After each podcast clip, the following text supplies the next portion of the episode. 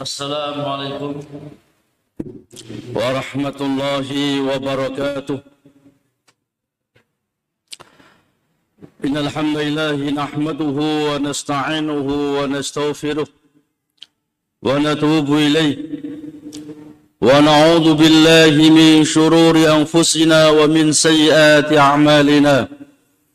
من يهده الله فلا مضل له ومن يضلل فلا هادي له. أشهد أن لا إله إلا الله وحده لا شريك له وأشهد أن محمدا عبده ورسوله اللهم صل وسلم وبارك على نبينا محمد وعلى آله وصحبه أجمعين وبعد Jamaah yang semoga dirahmati oleh Allah Subhanahu wa taala. Alhamdulillah. Kita memuji dan bersyukur kepada Allah Subhanahu wa taala atas melimpah nikmat dan karunia yang telah Allah limpahkan kepada kita. Salawat dan salam semoga tetap tercurahkan pada junjungan Nabi kita Muhammad sallallahu alaihi wasallam kepada keluarga beliau, para sahabat beliau, dan umat yang senantiasa istiqamah di dalam menempuh jejak beliau yaumil qiyamah. Jamaah rahimakumullah. Kita lanjutkan kajian kitab Tafsir Al-Muyassar yang mana pada pekan yang lalu kita telah memasuki surat Al-Qamar ayat 37 dan untuk malam hari ini kita akan lanjutkan tafsir surat Al-Qamar ayat 38. أعوذ بالله من الشيطان الرجيم ولقد صبهم بكرة عذاب مستكر فذوقوا عذابي ونذر. ولقد يسرنا القرآن للذكر فهل من مدكر. ولقد جاء آل فرعون النذر. كذبوا بآياتنا كلها فأخذناهم آد عزيز مقتدر. فأخذناهم آد عزيز مقتدر. أكفاركم خير من أولئكم أم لكم براءة في الزبر؟ أم يقولون نحن جميع منتصر. سيهزم الجمع يوم ويولون الدبر. سيهزم الجمع ويولون الدبر. بل الساءة موئدهم والساءة أدهى وأمر. إن المجرمين في ضلال وسعر. يوم يسحبون في النار على وجوههم ذوقوا مس سقر. إن كل شيء خلقناه بقدر Allah Subhanahu wa taala berfirman di dalam surat Al-Qamar ayat yang ke-38. Walaqad sabbahum bukratan adzabum mustaqir. Dan sungguh ketika di pagi harinya mereka kaumnya Nabi Lut mendapatkan azab yang telah ditetapkan bagi mereka. Fadhuku azabi wa nudur, maka rasakanlah azabku dan juga ancaman-ancamanku. Walaqad ja'ahum waqtas sabah adzabu da adzabun da'im istaqara fihim hatta yufdhiya bihim ila adzabil akhirah. Dan telah datang kepada mereka kaumnya Nabi Lut ketika di waktu menjelang fajar subuh azab yang terus menerus yang telah ditetapkan oleh Allah kepada mereka sia mereka pun juga nanti di yaumil kiamah akan mendapatkan azab di neraka Allah Subhanahu wa taala. Wa dzalikal adzabu huwa rajmuhum bil hijarah wa qalbu qurahum wa kulliba qurahum wa jala a'laha asfalaha. Yang mana azab itu? Ada rajmuhum bil hijarah. Mereka dilempari batu dari langit. Mereka dirajam. Mereka dilempari batu dari langit. Bahkan batu-batu yang dilemparkan kepada mereka itu ya bertuliskan nama-nama mereka. Jadi batu-batu yang dilemparkan kepada mereka itu persis seperti nama-nama mereka. Dan Allah jadikan ya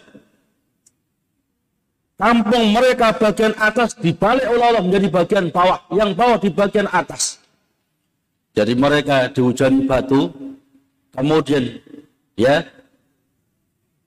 kampung mereka itu dibalik oleh Allah.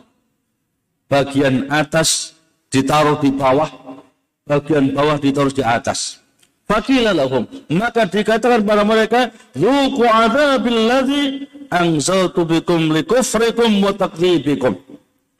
Maka rasakan azabku yang telah aku turunkan kepada kalian karena kekufuran kalian dan kedustaan kalian. Wa alladhi anzarakum. Dan juga pendustaan kalian atas ancamanku yang mana itu telah diperingatkan oleh Lut alaihi salatu atas kalian. Jadi mereka kaumnya Nabi Lut ini dirajam, dilempari batu dari langit yang mana batu-batu itu bertuliskan nama-nama mereka. Kemudian bumi bagian atas dibalik oleh Allah, ya, dijadikan bagian bawah-bawah bagian atas. Sehingga mereka tidak perlu, ya, tidak perlu dimakamkan. Mereka sudah langsung masuk ke dalam perut bumi. Maka Nabi kita Muhammad SAW mengajarkan kepada kita ketika melewati tempat di mana pernah tinggal kaumnya Nabi Lut, Ketika lewat tempat itu kita diperintahkan menangis. Bahkan kalau tidak bisa, maka berusaha menangis. Kalau tidak bisa, jangan sekali-kali lewat di tempat tersebut. Kelanjutan ayat. Walaqad yasarnal Qur'an al-dzikri fal mim muddakir. Walaqad yasarnal Qur'an. Dan sungguh telah aku mudahkan Al-Quran. Lidzikri untuk peringatan. Fahal mim. Maka adakah yang bisa mengambil pelajaran daripada Al-Quran. Walaqad sahalna lafdal Quran litilawah wal hifdi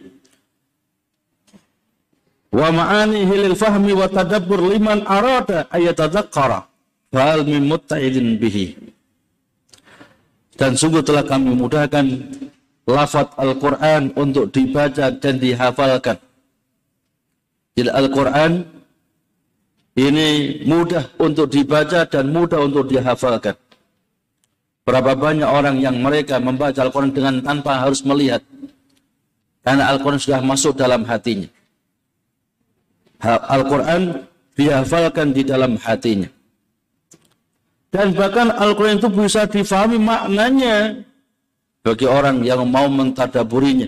Maka masih adakah orang yang bisa mengambil dari pelajaran Al-Quranul Karim. Allah ulang ayat ini. Supaya kita bisa mengambil pelajaran daripada Al-Quran. Bukan sebagai pajangan, bukan sebagai hiasan, tetapi dibaca, difahami, ditadaburi, kemudian ketika berupa perintah kita lakukan, ketika berupa larangan kita tinggalkan. Kelanjutan ayat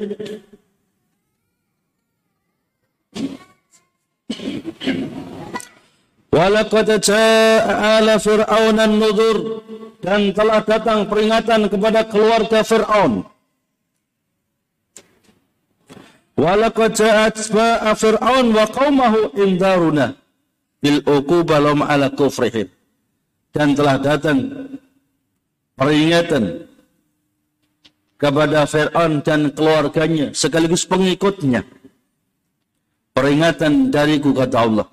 Bil lahum ala kufrihim. Ketika mereka tetap dalam kekufurannya, maka mereka akan mendapatkan azabku. Dan ketika Fir'aun dan juga pasukannya kufur kepada Allah, kufur kepada nabinya, Nabi Musa dan Harun, maka mereka diadab oleh dengan ditenggelamkan di Laut Merah. Ya, jadi jumlah mereka itu bukan hanya ribuan jutaan. Ya, jumlah pasukan Fir'aun jutaan. Semuanya ditenggelamkan oleh dalam Laut Merah. Bahkan bumi diharamkan untuk memakan jasad Fir'aun sebagai ibrah bagi orang-orang semasa Fir'aun dan orang-orang setelah mereka. Jadi Fir'aun walaupun tidak dimumi, itu sudah dipastikan nggak mungkin membusuk dia. Karena mengapa? Bumi diharamkan untuk memakan jasadnya Fir'aun. Agar kita orang-orang di zaman setelah Fir'aun bisa mengambil pelajaran. Walaupun hebatnya semacam itu. Walaupun kekuatannya hebat semacam itu. Walaupun kekuasaannya sehebat semacam itu, dia akan mati. Ya, dia tetap akan mati. Ya, walaupun dia dijaga pasukan yang begitu hebatnya akan mati. Kekuasaan yang begitu hebatnya akan dia tinggalkan. Apa yang harus kita banggakan? Ya, kalau kekuasaan kita dengan kekuasaan Fir'aun nggak ada apa-apanya. Ya. Jadi sehebat apa pun manusia, dia pasti akan mati. Akan meninggalkan kekuasaannya, meninggalkan hartanya, meninggalkan keluarganya untuk menghadap Allah dan mempertanggungjawabkan amal perbuatannya di hadapan Allah Subhanahu wa taala. Kelanjutan ayat kadzabu bi ayatina kulliha. Dan Fir'aun dan juga keluarganya ataupun Fir'aun dengan yakni pasukannya mereka mendustakan ayat-ayat kami seluruhnya. Tanda-tanda kebesaran Allah seluruhnya. Fahatnahum maka kami siksa mereka ahza azizim muqtadir. Dengan azab zat yang maha perkasa muqtadir sekaligus zat yang maha kuasa.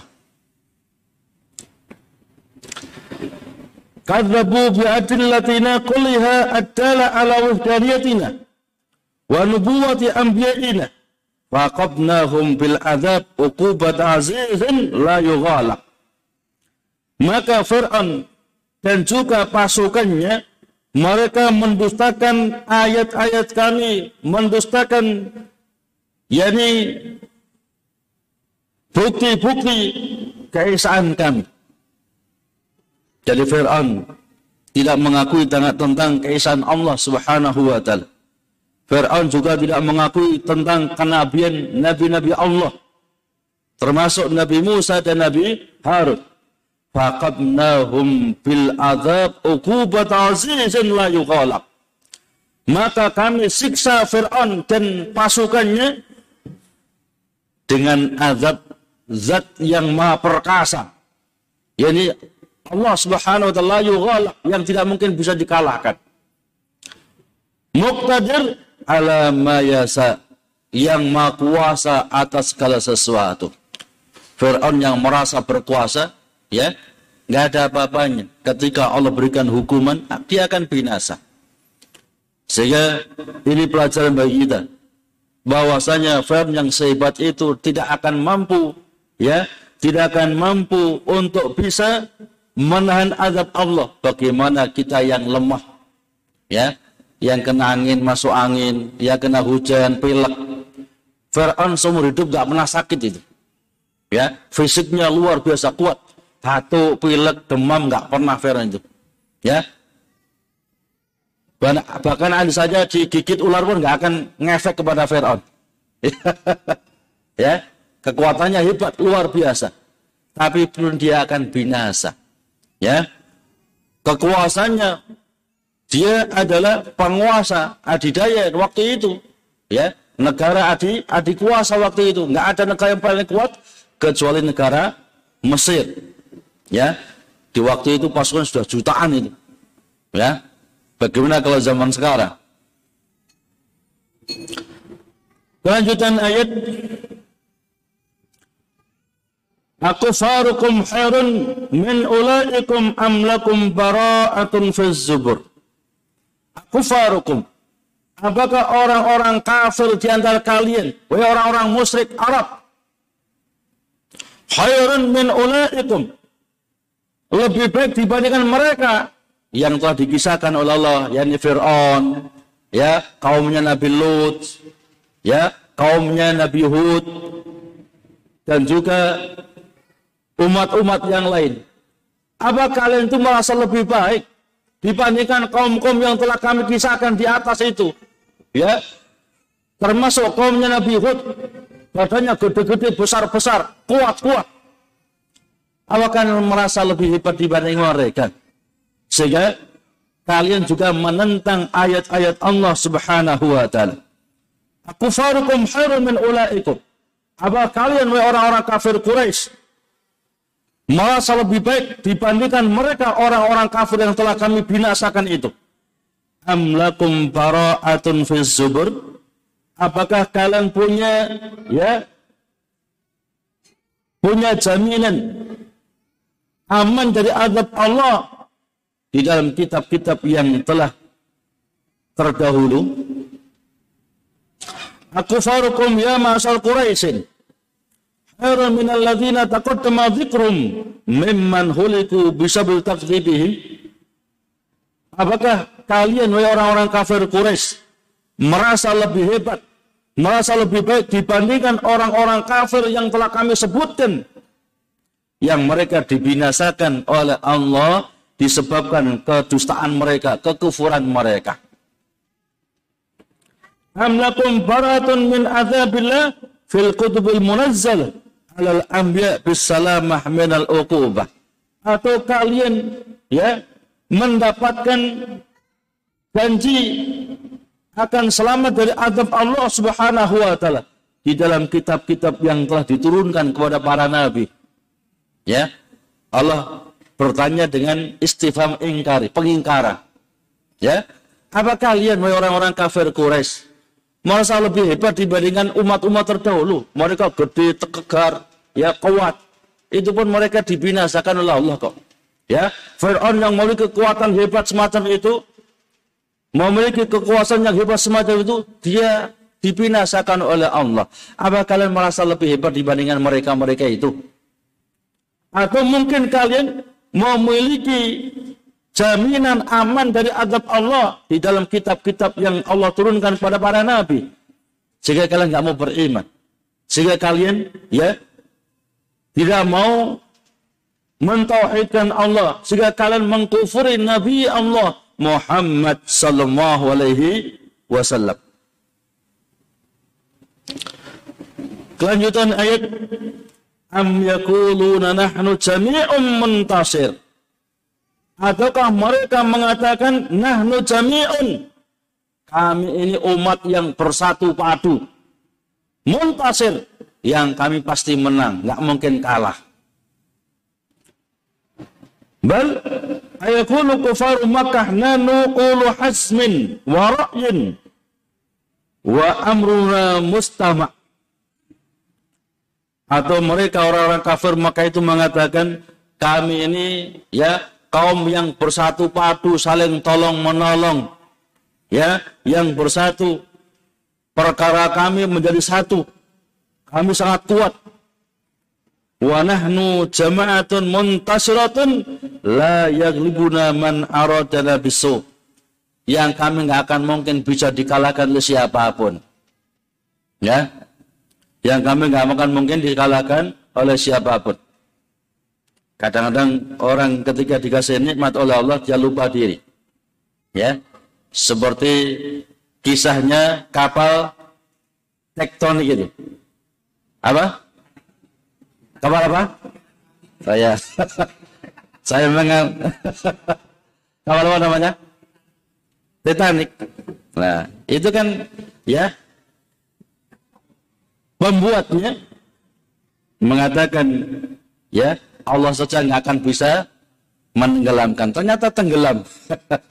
ya kan? Nggak ada yang bisa kita sombongkan itu. Ya. Kepandaian kita, kecerdasan kita, harta kita, nggak ada yang bisa kita banggakan. Ya. Kita bisa bangga ketika kita bisa taat kepada Allah dan Rasulnya Muhammad Sallallahu Alaihi Wasallam. Jadi jangan merasa ya, jangan merasa pesimis. Selama kita taat kepada Allah dan Rasulnya harus terus optimis. Ya. Lanjutan ayat. Saya zamul jam'u. Dan sungguh. Ya. Kaum yang berkumpul itu akan terkalahkan, dikalahkan. Wa yuwalluna dubur dan mereka akan lari ke belakang. Sayudamu jam'u kufar Makkah amamal mu'minin wa yuwallunal adbar wa qad hadasa hadha badrin. Ya, dan sungguh kaum yang bersatu padu dari kalangan orang kafir Mekah itu mereka akan dikalahkan di hadapan kita kaum muslimin. Dan mereka akan lari mundur ke belakang. Dan itu betul-betul terjadi ketika waktu perang perang Badar. Ya. Ketika perang Badar kaum muslimin dengan senjata yang ala kadarnya dengan jumlah yang sedikit sekitar 313 sehingga ada aliran tertentu kodenya 313 kan? 313 artinya apa walaupun sedikit pasti menang jadi kodenya aliran tertentu ya termasuk aliran sesat ya 313 ya prinsipnya itu walaupun sedikit tetap menang, nggak mungkin kalah. Ya, ini mengambil ya ini peristiwa waktu perang perang Badar. Sahabat yang jumlahnya sekitar 313 orang bisa mengalahkan orang-orang kafir yang jumlahnya lebih dari 1000 orang. Ya, pada mereka orang-orang kafir sudah persiapan dengan senjata yang komplit, peralatan yang komplit. Sedang kita kaum muslimin nggak ada perjalanan yang memadai. Ya, ada yang hanya pakai kayu, hanya dengan batu. Jadi pedang lawan batu atau mungkin anak panah dengan batu. Itu pun dimenangkan kaum muslimin. Ya. Mereka orang-orang kafir, orang-orang kafir Mekah yang mengatakan kami ada kaum yang bersatu padu, nggak mungkin dikalahkan. Ternyata waktu perang Badar kalah itu. Ya. Lanjutan ayat, bali sa'atu mau'iduhum wa sa'atu adha wa amat. Bahkan hari kiamat, hari yang dijanjikan atas mereka. Wasa'atu adha wa amar. Dan hari kiamat, hari yang jauh lebih dahsyat. Enggak sepadan dengan perang badar. Wa amar. Sekaligus sangat-sangat pahit. Wasa'atu mau'iduhum alladhi yujazawna fihi bima yastahikun. Dan hari kiamat ada hari yang dijanjikan atas mereka orang-orang kafir. Yang mana mereka akan dibalas oleh Allah nanti di yaumil kiamat bima yastahikun sesuai dengan ya perbuatan mereka. Dan memang mereka orang yang berhak layak untuk mendapatkan azab di neraka Allah Subhanahu wa taala. Jadi mereka Ya, hari kiamat itu hari dijanjikan atas mereka orang kafir ini. Yang mereka akan dibalas dengan adab oleh Allah. Yang itu merupakan hak mereka. Karena kufurnya mereka. Wasa'atu a'adham wa aqsa mimma lahikum minal adab yawma badrin. Dan hari kiamat itu lebih dahsyat, lebih pahit, lebih menyakitkan dibandingkan perasaan sakit mereka, perasaan ya sakit mereka, adab yang mereka terima ketika waktu perang Badar. Ya, 70 orang dari kalangan orang-orang kafir, tokoh-tokoh kafir meninggal dunia waktu itu, terbunuh dalam perang Badar. Itu sangat menyakitkan. Tapi kata Allah, nanti hari kiamat jauh lebih menyakitkan, bahkan jauh lebih berat hukumannya dibandingkan hanya peristiwa waktu perang perang Badar waktu itu. Kelanjutan ayat Innal muslimina fi dalali wa su'ur. Sesungguhnya orang-orang yang berbuat dosa fi dalalin, mereka di dalam kesesatan, kesesatan di dunia. Wasu'ur dan mereka orang-orang yang akan mendapatkan api neraka di yaumil kiamah. Yauma yushabuna finnar. Ya di hari di mana mereka diseret, ditarik menuju neraka. Ala wujihim. Pada wajah-wajah mereka. Jadi wajahnya ditelungkukan, diseret masuk neraka. Zuku massa sakar. Seraya diucapkan kepada mereka. Dikatakan kepada mereka. Massa sakar. Rasakan jilatan api neraka sakar innal muslimina fi tihin anil haq wa ina'in wa adabin yauma yajruna fin nar al wujuhim wa yuqallahum dhuqu siddat adzabi jahannam. Orang-orang yang berbuat dosa para pendosa orang-orang yang berbuat syirik orang-orang yang berbuat kekufuran mereka menyimpang dari kebenaran maka mereka akan mendapatkan adab dan siksa yaitu di hari ketika wajah-wajah mereka diseret menuju neraka Kemudian dikatakan mereka duku siddata adzabi jahannam. Seraya dikatakan mereka rasakan beratnya, dahsyatnya adab neraka jahannam. Inna kula sayin halaknahu biqadar. Dan segala sesuatu kami ciptakan sesuai dengan kadarnya masing-masing. Ya, segala sesuatu itu Allah ciptakan sesuai dengan takdirnya, sesuai dengan kadar masa mereka masing-masing. Maka dari ini memberikan dalil bahwasanya semua yang terjadi itu sesuai dengan takdir Allah. Dan perlu difahami jamaah rahimakullah, beriman kepada takdir melazimkan kita iman atas empat perkara. Yang pertama, Allah subhanahu wa ta'ala maha mengetahui semua yang ada di langit dan di bumi baik secara terperinci ataupun global. Yang kedua, bahwasanya semua yang ada di langit yang di bumi semuanya itu ya takdir mereka telah ditentukan oleh Allah dan ditulis dalam kitab Lauhil Mahfud. Kemudian yang ketiga, bahwasanya semua yang ada di langit ataupun yang ada di bumi ditentukan takdirnya oleh Allah sesuai dengan hikmah ya sesuai dengan hikmah. Dan juga rahmat Allah subhanahu wa ta'ala. Allah sesatkan hamba-hambanya itu sesuai dengan hikmah Allah. Allah berikan petunjuk kepada hamba-hambanya sesuai dengan rahmat Allah subhanahu wa ta'ala dan yang terakhir semua ya semua yang ada di langit dan bumi itu makhluk Allah. Maka semua akan ditanya oleh Allah. Bukan mereka bertanya kepada Allah. Allah telah berfirman, ya, bahwasanya la yus'alu amma yaf'alu wa hum yus'alun. Allah nggak akan pernah ditanya apa yang dilakukan oleh Allah. Tapi mereka makhluk yang akan ditanya oleh Allah subhanahu wa ta'ala.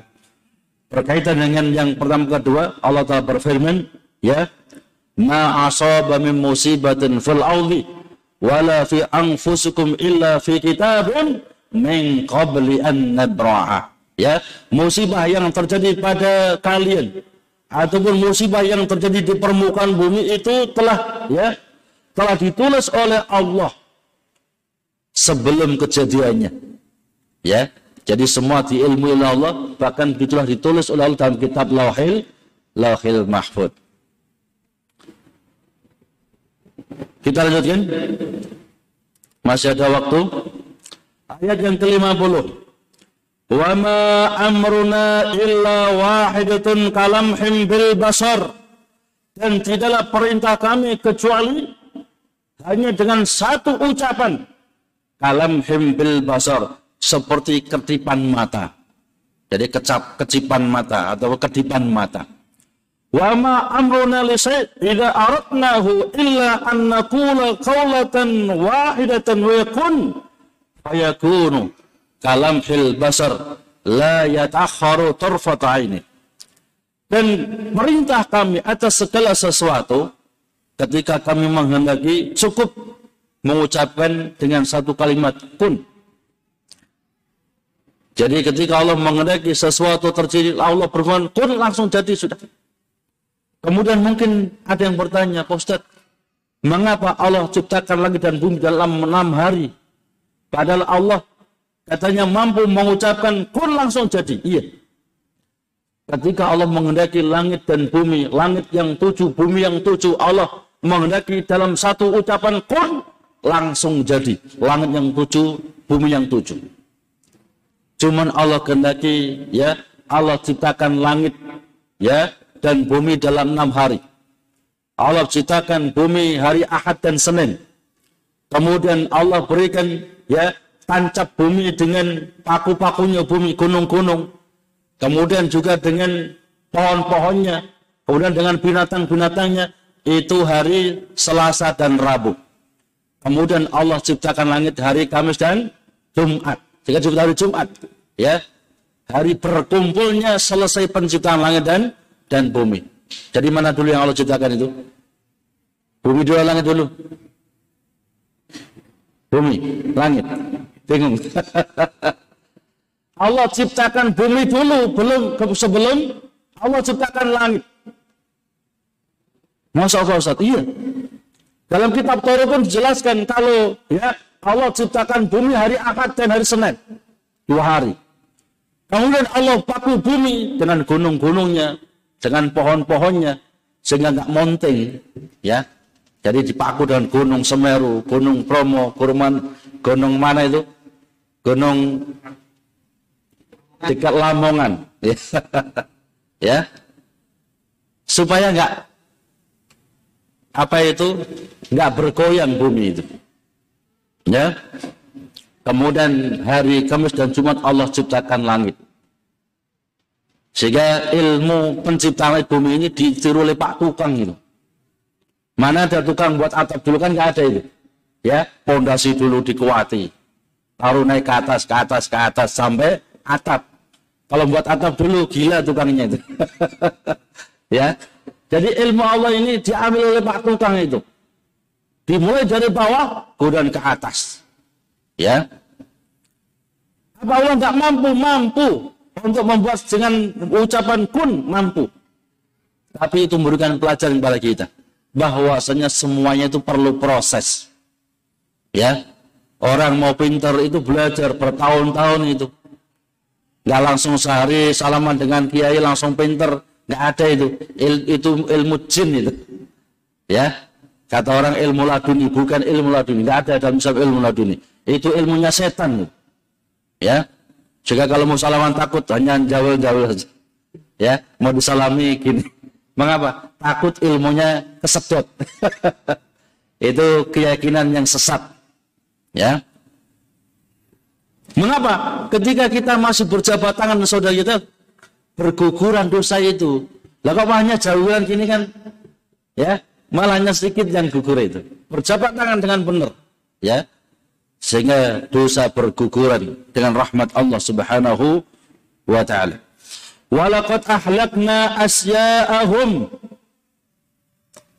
fahal min muddakir. Dan sungguh telah kami binasakan orang-orang semisal mereka. Orang-orang yang kufur, orang-orang yang musyrik dibinasakan semuanya oleh Allah. Fahal muddakir apakah masih ada orang yang bisa mengambil peringatan ini, pelajaran ini? Bahwa sehebat apa pun, sekuat apa pun, ketika mereka berbuat syirik kepada Allah, berbuat kufur kepada Allah, mudah bagi Allah untuk membinasakan mereka. Walaqad ahlakna asbahum fil kufri minal umam al-haliyah. Fahal mim muttahid bima halla bihim minan nakal wal adab. Boleh besar nikal, ya minan nikal boleh. Minan nakal wal adab. Ya. Dan sungguh telah kami binasakan orang-orang yang semisal mereka dalam kekufurannya dari umat-umat yang terdahulu. Maka apakah masih ada orang yang bisa mengambil pelajaran? Ya. Dari adab yang telah Allah timpakan pada umat-umat terdahulu. Mereka umat yang besar-besar kuat-kuat dibinasakan oleh Allah. Apakah masih ada orang yang bisa mengambil pelajaran dari itu Lanjutan ayat wa kullu sa'in faluhu fil zubur wa kullu sa'in faluhu fil zubur dan segala sesuatu yang telah mereka lakukan itu tertulis di dalam lembaran-lembaran. Wa kullu sa'in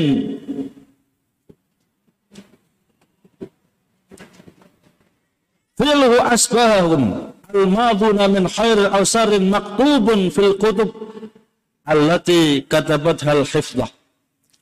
Segala sesuatu perbuatan mereka yang telah lalu berupa kebaikan ataupun keburukan semuanya ditulis oleh Allah. Makanya nanti di yaumil kiamat ada orang yang ya begitu ditunjukkan tulisan perbuatan dosanya, ya. Bagaimana ini? Enggak ada ya, enggak ada satupun yang meleset ini. Semuanya tepat. Ya, sekecil apa pun tertulis di sini. Enggak bisa lari dari dari kenyataan. Orang-orang yang berbuat kufur, orang-orang yang berbuat dosa akan mendapatkan siksa nanti di yaumil kiamah wa kullu saghirin wa kabirin mustatar. Ya. Perbuatan yang kecil, perbuatan yang besar semuanya tertulis. Ya. Innal muttaqina fi jannati wa nahar. Sesungguhnya orang-orang yang bertakwa mereka di taman-taman dan sungai-sungai. Innal muttaqina fi basatin azimah wa anharim wasiyah yaumal qiyamah. Sesungguhnya orang-orang yang bertakwa mereka nanti di taman-taman yang sangat luas. Sehingga kalau raja-raja dahulu ya, karena menjadi seorang raja memiliki harta, memiliki segalanya, maka rumahnya dibuat taman-taman yang hebat. Ya, itu pun juga mengambil dari firman Allah Subhanahu wa taala. Bahkan di India itu ada masjid apa namanya? Taj Mahal, ya. Itu pun juga meniru dari firman Allah Subhanahu wa taala bahwasanya di surga itu ada taman-tamannya, ada sungai-sungainya. Ya. Di zaman waktu itu sudah dipraktekkan dengan membuat masjid Taj Mahal di di mana itu? Di India, ya. Kemudian Kelanjutan ayat fi maq'ati sidqin inda malikim muqtadir. Ya, di tempat yang sangat mulia di sisi Allah yang Maha Kuasa. Fi majlisin haq la lagwa fihi wa la ta'sima indallahil malikil azim. Ya, di tempat yang sangat mulia. Tidak ada lahun di situ dan juga tidak ada perbuatan dosa di situ. Ya, ketika bertemu saling mengucapkan salam. Enggak ada lahun, ya. Di sisi Allah yang Maha Kuasa. Al-Khaliq lil asya' kulliha yang menciptakan seluruh alam ini. Al-Muqtadir ala kulli shay'in tabarakallahu subhanahu wa ta'ala. Ya, yang menciptakan, yang menguasai atas segala sesuatu. Jamaah rahimakallah. Waktu masih tinggal berapa menit? 7 menit. Mungkin digunakan tanya jawab. Mungkin mau tanya saya silakan. Pertanyaan bebas. Jadi insya Allah untuk bagian depan kita akan membaca surat Ar-Rahman. Bismillah. Jadi sudah 6 surat ya dimulai Al-Hujurat, kemudian Qaf, kemudian Az-Zariyat, kemudian An-Najm, kemudian lupa Al-Qamar. Ada yang tersisa satu. Surat apa?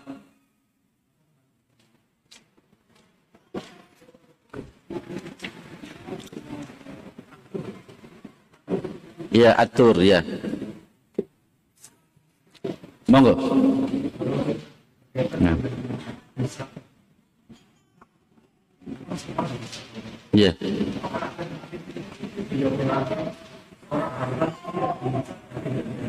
Ya. Ada pertanyaan maka nanti di yaumil kiamat ada hamba yang mereka ya tidak dihisab dan juga tidak diadab. Ya. Ya. Nabi kita Muhammad sallallahu alaihi wasallam beliau pernah bersabda bahwasan nanti di akhir zaman ada ya umat yang mereka tidak diadab ya tidak dihisab bahkan juga tidak diadab siapa mereka? Orang-orang yang betul-betul memurnikan tauhid ya. Orang-orang yang betul-betul memurnikan tauhid.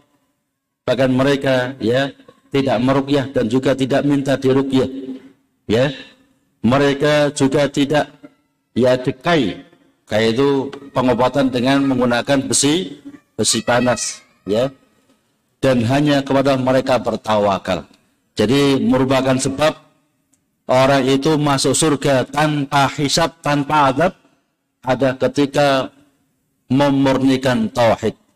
Dia tidak bertawakal, berserah diri, bergantung kecuali kepada Allah Subhanahu wa taala, ya. Dan hal ini dijelaskan rinci oleh Al-Imam Muhammad Ibn Abdul Wahab At-Tamimi dalam kitabnya At-Tauhid kemudian dirincikan oleh cucu beliau Imam Abdurrahman ya Alusih dalam kitabnya Fatkul Fatkul Majid. Yang lain?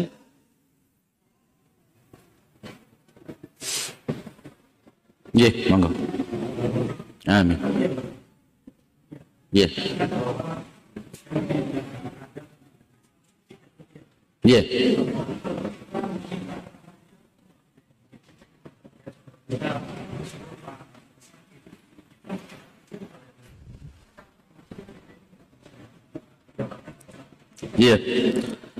Jadi ketika ada saudara kita yang mungkin ya kemasukan jin atau diganggu jin, apakah di situ kita nggak mau merukyah ya? Ketika memang ada orang lain, biarkan orang lain yang merukyah. Ya, ketika ada orang lain yang mampu merukyah, biarkan merukyah. Ya. Ustadz Aunurofit ini belum selama selama ini belum pernah mau merukyah. Selama santrinya mau siap merukyah. Ya, kalau santrinya siap merukyah, belum nggak pernah mau merukyah. Ya. Jadi mungkin belum mengambil hasil pula, mungkin saya juga nggak pernah tanya. ya. Jadi bagaimana ketika memang betul-betul nggak ada lagi, maka dia harus yakni membantu saudaranya untuk tertuntaskan dari gangguan jin ini. Ya. Cuman paling tidak jangan sok berani. Kadang-kadang sok berani. Ya. Ilmunya belum ada, sudah sok nekat sudah. Konek. Seorang perang tanpa pedang ya mati dia. ya. Maka sebelum merukyah itu dia harus berwudu, sholat dulu, banyak berzikir, seperti kita mau perang itu persiapan pakai baju besi, pakai pedang yang tajam macam-macam, ya. Jangan langsung selonong, ya. Keadaan lelah dia merukyah, dia malah kalah nanti. Ya. Jadi dilihat situasi dan kondisinya. Allah Allah. Yang lain?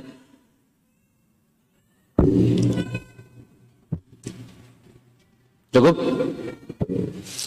Jamaah rahimakallah yang bisa kita sampaikan mudah-mudahan bermanfaat. Kita tutup dengan doa kafaratul majlis. Subhanallah. Asyhadu an la ilaha illa anta astaghfiruka wa atubu ilaik. Assalamualaikum warahmatullahi wabarakatuh.